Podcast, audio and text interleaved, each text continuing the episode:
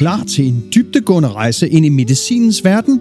Vi bevæger os ud over det ordinære brug og udforsker bivirkningernes territorium. Hvordan påvirker bivirkninger vores behandling? Er de uundgåelige, eller kan vi tage det næste skridt til at begrænse den?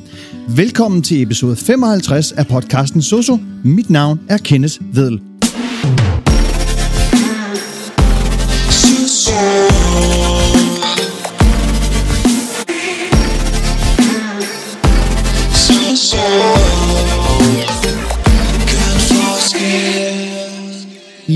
Går vi i dybden med bivirkninger, dosering og alle de vigtige overvejelser, der hjælper os med at forstå medicinens dobbelte ansigt. Vi taler om, hvordan mindst 10% af alle patienter, der tager medicin, oplever en eller flere bivirkninger.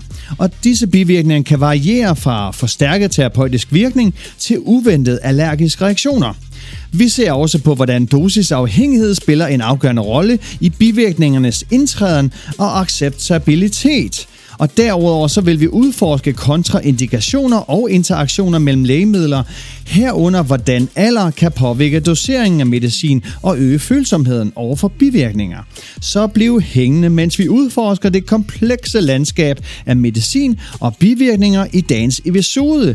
Så vi skal igennem bivirkninger, kontraindikationer, interaktioner, dosering, og så har vi en quiz med 10 spørgsmål. Når vi snakker om bivirkninger, refererer det til skadelige og uventede reaktioner, der opstår ved brug af normal terapeutisk dosis af et lægemiddel. Og den her definition den omfatter mindre symptomer på for høj dosis, men omfatter ikke tilfælde af egentlig forgiftning. Når vi snakker generelle overvejelser, så har vi noget under begrænsning af bivirkninger. For at undgå eller begrænse bivirkninger, så bør man anvende den mindst mulige dosis – og det kan desuden være en fordel at kombinere forskellige stoffer, som øger hinandens virkning, men ikke giver større bivirkninger.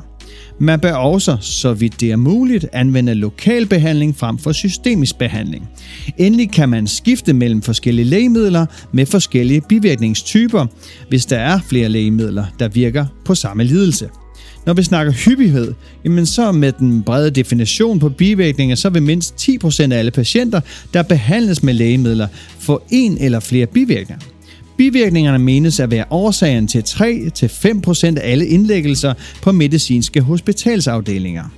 Så har vi dosisafhængighed, fordi langt de fleste bivirkninger er dosisafhængige, det vil sige, at risikoen for bivirkningerne den stiger, når dosis den øges. Bivirkningernes indtræden, jamen de fleste bivirkninger de kommer i forbindelse med anvendelse af lægemidlet, men kan også opstå efter en behandling, f.eks. penicillinudslæt. Er bivirkninger acceptable? Jamen, når man skal vurdere, om bivirkninger er acceptable for patienten, må det tages i betragtning, hvad lægemidlet bruges til, og om det er en kortvarig behandling, eller om behandlingen måske varer mange år. Skal man for eksempel behandle en almindelig halsbetændelse med antibiotika, jamen så må man kræve relativt få og harmløse bivirkninger, mens man kan acceptere svære bivirkninger, når en patient behandles for kræft. For lægemidler i håndkøb og for mange receptpligtige lægemidler er det berettiget at kræve, at der kun er få bivirkninger og at ingen af dem er alvorlige. Håndkøbslægemidler de bruges almindeligvis til lidelser, som ikke kræver lægelig diagnose eller behandling, og det er derfor vigtigt, at denne gruppe lægemidler ikke giver alvorlige bivirkninger ved anvendelse af sædvanlige terapeutiske doser. Det smertestillende middel acetylsalicyre, som f.eks. i kodimagnol og treo, har mange bivirkninger, men i forhold til det store forbrug er hyppigheden af bivirkninger ikke ret stor. Receptpligtige lægemidler, jamen de kan i højere grad end håndkøbsmedicin give bivirkninger. Og langt de fleste er dog harmløse og forhindrer ikke, at man fortsætter med at anvende lægemidlet, eventuelt i nedsat dosis. Når vi snakker inddeling af bivirkninger, så skal vi se på, at der findes ikke rigtig nogen klar inddeling af bivirkninger efter årsager, øh, alvor, hyppighed osv.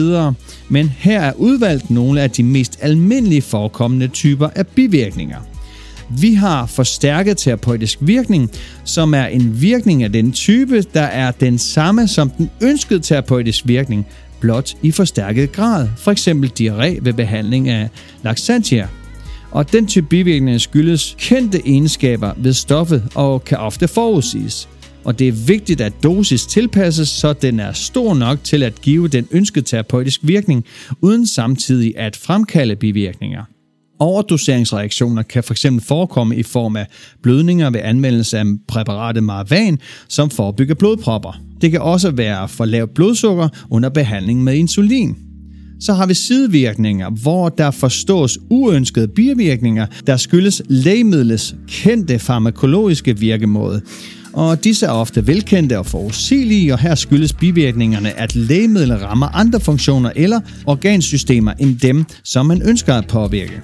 Stoffer, der hæmmer det parasympatiske nervesystem, f.eks. visse psykofarmika, kan give sidevirkninger som forstoppelse, vandladningsbesvær, mundtørhed og synsforstyrrelser.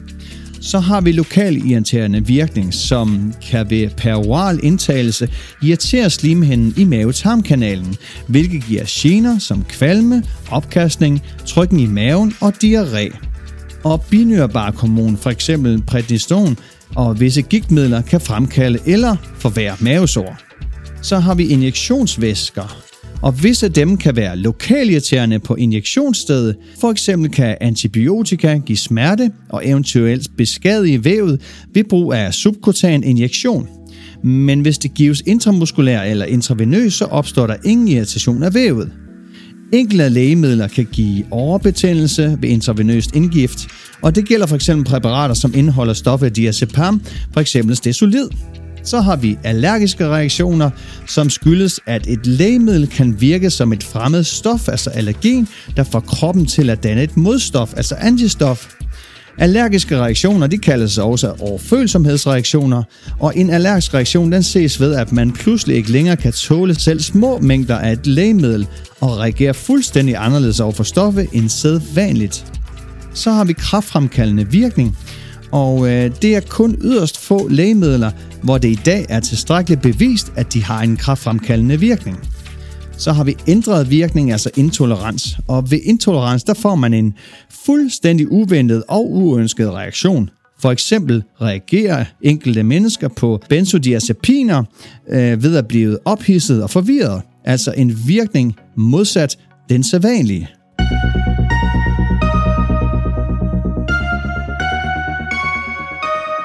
Så har vi lige en lille smule omkring kontraindikationer.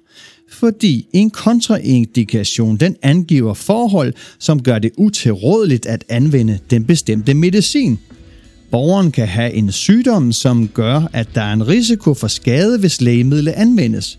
Og det kan fx være nedsat nyre- eller leverfunktion, hvor eliminationen af lægemidlet bliver så nedsat, at der kan opstå forgiftning.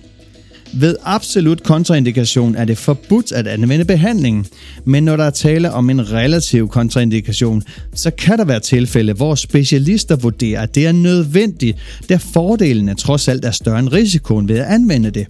Og nogle gange er der nemlig ikke andre lægemidler, som kan anvendes. Så har vi interaktioner fordi ved en interaktion der forstås, at et lægemiddels farmakodynamik og farmakokinetik det påvirkes af andre lægemidler, alkohol eller fødevarer. Og der kan være tale om en gensidig påvirkning, hvor stoffer enten forstærker eller mindsker hinandens virkning. Og det kan i nogle tilfælde udnyttes terapeutisk, men det kan også have en uønsket virkning. Og årsagen til interaktioner mellem lægemidler kan være mange. For eksempel kan de påvirke hinandens effekt på virkningsstedet, eventuelt ved receptoren. De kan også gribe ind i hinandens nedbrydning i kroppen og derved ændre lægemiddelkoncentrationen i blodet. Interaktioner mellem to eller flere lægemidler. I nogle tilfælde undgår man samtidig indtagelse af bestemte lægemidler. I andre tilfælde skal man blot være opmærksom på interaktioner og observere for bestemte bivirkninger, eller lægen kan tilpasse doseringen derefter. Hyppighed, jamen de lægemidler, der hyppigst giver interaktioner, har typiske kendetegn. For eksempel har de ringe terapeutisk bredde, lang halveringstid og gives i langtidsbehandling. Eksempel på sådanne lægemidler, det er blodtrykssænkende lægemidler, det er visse midler med høj blodtryk, det er midler mod epilepsi, det er blodfortyndende midler, det er hjertemedicin, det er midler mod psykiske lidelser. Så har vi kombinationsterapi og synergieffekt. I nogle tilfælde kan en interaktion være en fordel, som man ligefrem ønsker. Det kaldes kombinationsterapi, når man søger at forstærke virkningen ved at kombinere lægemidler. Den øgede effekt kaldes synergieffekt. Det anvendes ofte ved bedøvelse eller behandling af forhøjet blodtryk eller smerter. Synergieffekten er, hvor to lægemidler påvirker hinanden, så effekten bliver større. De kan supplere hinanden, det vil sige at 1 plus 1 lige med 2, men de kan også forøge effekten, det vil sige 1 plus 1 lige med 3. Interaktioner mellem lægemidler og alkohol, jamen der kan man se, at alkohol kan forstærke eller nedsætte virkningen af lægemidler. Og interaktioner med alkohol ses for stoffer, der ligesom alkohol har en sløvende virkning på centralnervesystemet. Den sløvende effekt gælder blandt andet for bedøvelsesmidler, de fleste antihistaminer, stærke smertestillende midler, psykofarmika og især angstdæmpende midler og sovemidler. Der er interaktioner mellem alkohol og flere former for psykofarmaka, især angstdæmpende medicin. Interaktioner mellem lægemidler og mad, jamen absorption af lægemidler foretaget via mundhulen forsinkes i reglen, hvis der indtages føde sammen med præparatet. Det er ikke noget problem ved behandlingen, der strækker sig gennem længere tid. Her vil virkningen ikke forsinkes, men øh, da man ved langtidsbehandling opnår nogenlunde konstant lægemiddelkoncentration i blodet og dermed konstant virkning. Ved korttidsbehandling, hvor man ønsker en hurtig indsættende virkning, f.eks. ved tandpine, så må man undgå at føde samtidig med lægemidler og udelukkende indtage det med rigelig væske. Og visse lægemidler de påvirker også optagelsen af maden. Det gælder for eksempel stimulerende afføringsmidler, hvor brug kan medføre, at næringsstofferne i føden de ikke optages i tilstrækkelig grad, i det tarmpassagen fremmes. Så har vi nogle generelle retningslinjer. Der findes ikke generelle retningslinjer for, om lægemidler skal tages til måltider. For nogle lægemidler vil det være en fordel med samtidig fødeindtagelse, i det risikoen for mavegener, som f.eks. diarré, herved mindskes. Endvidere husker patienten bedre at tage medicinen, når det sker til et måltid. Egenskaberne ved nogle lægemidler bevirker dog, at der er anbefalinger for, om de skal tages med føde eller ej. Og så slutter vi af med dosering. For at kunne forstå sammenhængen mellem doseringsprincipper, doseringsintervaller, plasmakoncentrationer og virkningstider, jamen så skal du have viden om følgende emner. Det er doseringsprincipper, hvor stor en dosis, det er dosis, tid og virkning, hvornår og hvor længe virker det. Så er det dosering af lægemidler til ældre. Vi starter med doseringsprincipper, fordi doseringsprincipperne for lægemidler det omfatter fire tilgange. Vi har nummer et, som er standarddosis.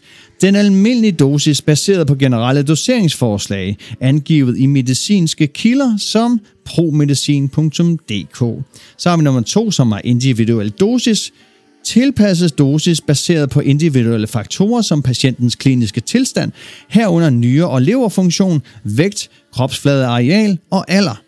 Så har vi nummer 3, dosering efter virkning. Dosering tilrettelagt for at opnå en specifik ønsket effekt, hvor måling af lægemidlets direkte virkning er afgørende. Så har vi nummer 4, som er dosering efter plasmakoncentration. Og doseringen baseret på målinger af lægemidlets koncentration i blodplasma er relevant, især når der er en fin balance mellem den ønskede effekt og risikoen for overdosering.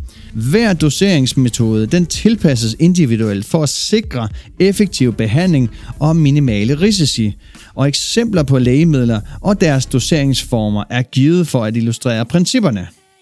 Så har vi dosis, tid og virkning dosistid og virkningssammenhæng, jamen det er vigtigt at beregne, hvornår et lægemiddels virkning den indtræder, hvornår det skal tages igen, hvor hyppigt det skal indtages, og hvornår virkningen bliver konstant ved gentagende indgift. Så har vi det terapeutiske område og terapeutiske bredde. Det optimale område for lægemidlets effekt kaldes det terapeutiske område. Den terapeutiske bredde er afstanden mellem den mindste dosis, der giver effekt, og den dosis, der kan være giftigt.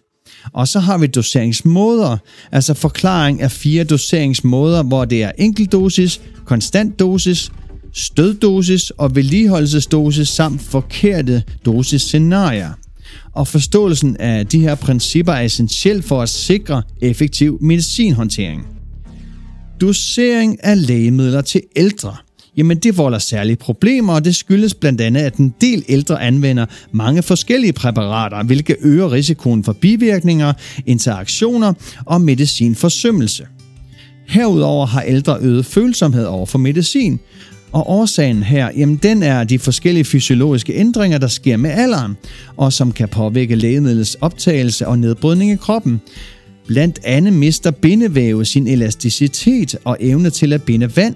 Vævets fedtindhold det stiger, mens vandindholdet det falder. Desuden aftager muskelkraften, antallet af nerveceller falder, nyre- og leverfunktionen den nedsættes, og hjertets minutvolumen den nedsættes.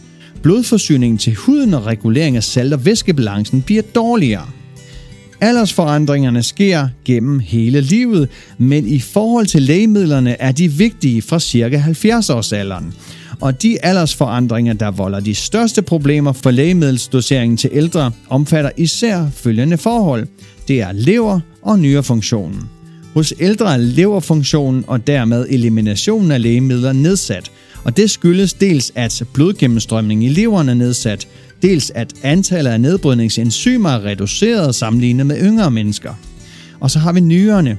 Med stigende alder, så sker der en betydelig nedsættelse af nyrefunktionen med nedsat elimination til følge. Som resultat heraf, så bliver halveringstiden ofte forøget, og det gælder for en lang række lægemidler, f.eks. astmamedicin, hjertemedicin og smertestillende medicin, beroligende og angstdæmpende medicin.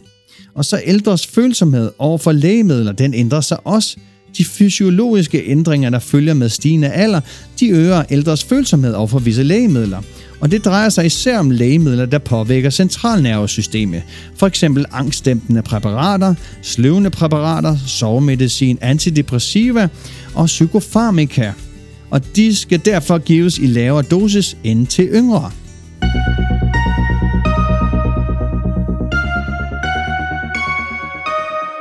Så slutter vi af med en quiz med 10 spørgsmål.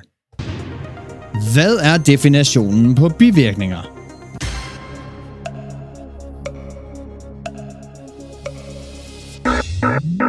Det refererer til skadelige og uventede reaktioner, der opstår ved brug af normalterapeutisk doser af et lægemiddel. Hvordan kan bivirkninger begrænses eller undgås?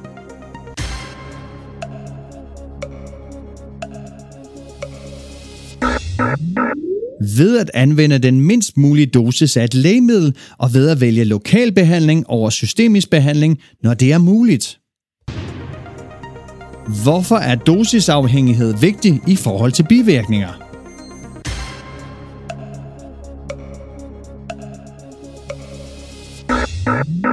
Det er fordi langt de fleste bivirkninger er dosisafhængige, hvilket betyder, at risikoen for bivirkninger stiger, når dosis af lægemidlet øges.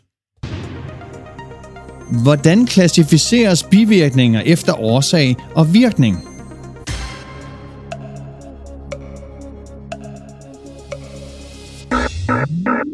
De klassificeres i typer som forstærket terapeutisk virkning, sidevirkninger, lokalirriterende virkning, allergiske reaktioner og ændret virkning, som er intolerans. Hvornår kan en bivirkning betragtes som acceptabel?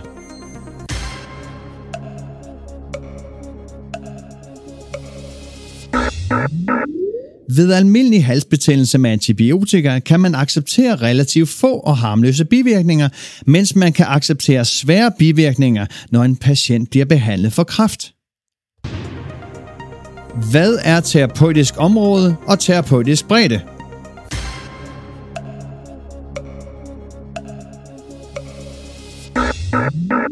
Terapeutisk område er det ønskede interval af lægemiddelkoncentrationen i blodet for at opnå den ønskede effekt.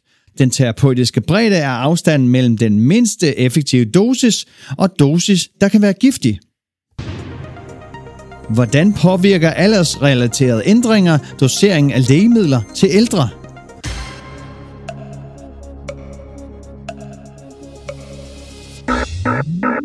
Ændringer som nedsat lever- og nyrefunktion påvirker doseringen ved at forlænge halveringstiden og øge følsomheden over for visse lægemidler. Hvilke lægemiddelgrupper er særligt tilbøjelige til at forårsage interaktioner?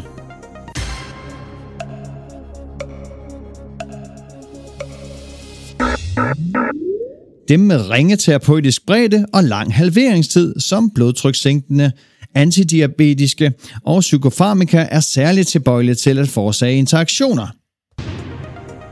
Hvordan kan en interaktion mellem lægemidler have fordele?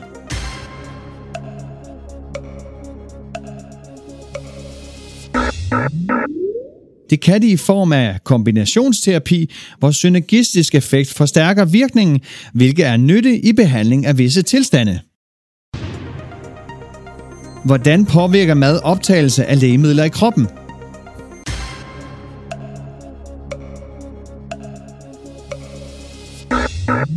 Det kan ændre hastighed, grad og måde lægemidler absorberes i kroppen, og nogle lægemidler absorberes bedre med mad, mens andre bør tages på tom mave for optimal effekt.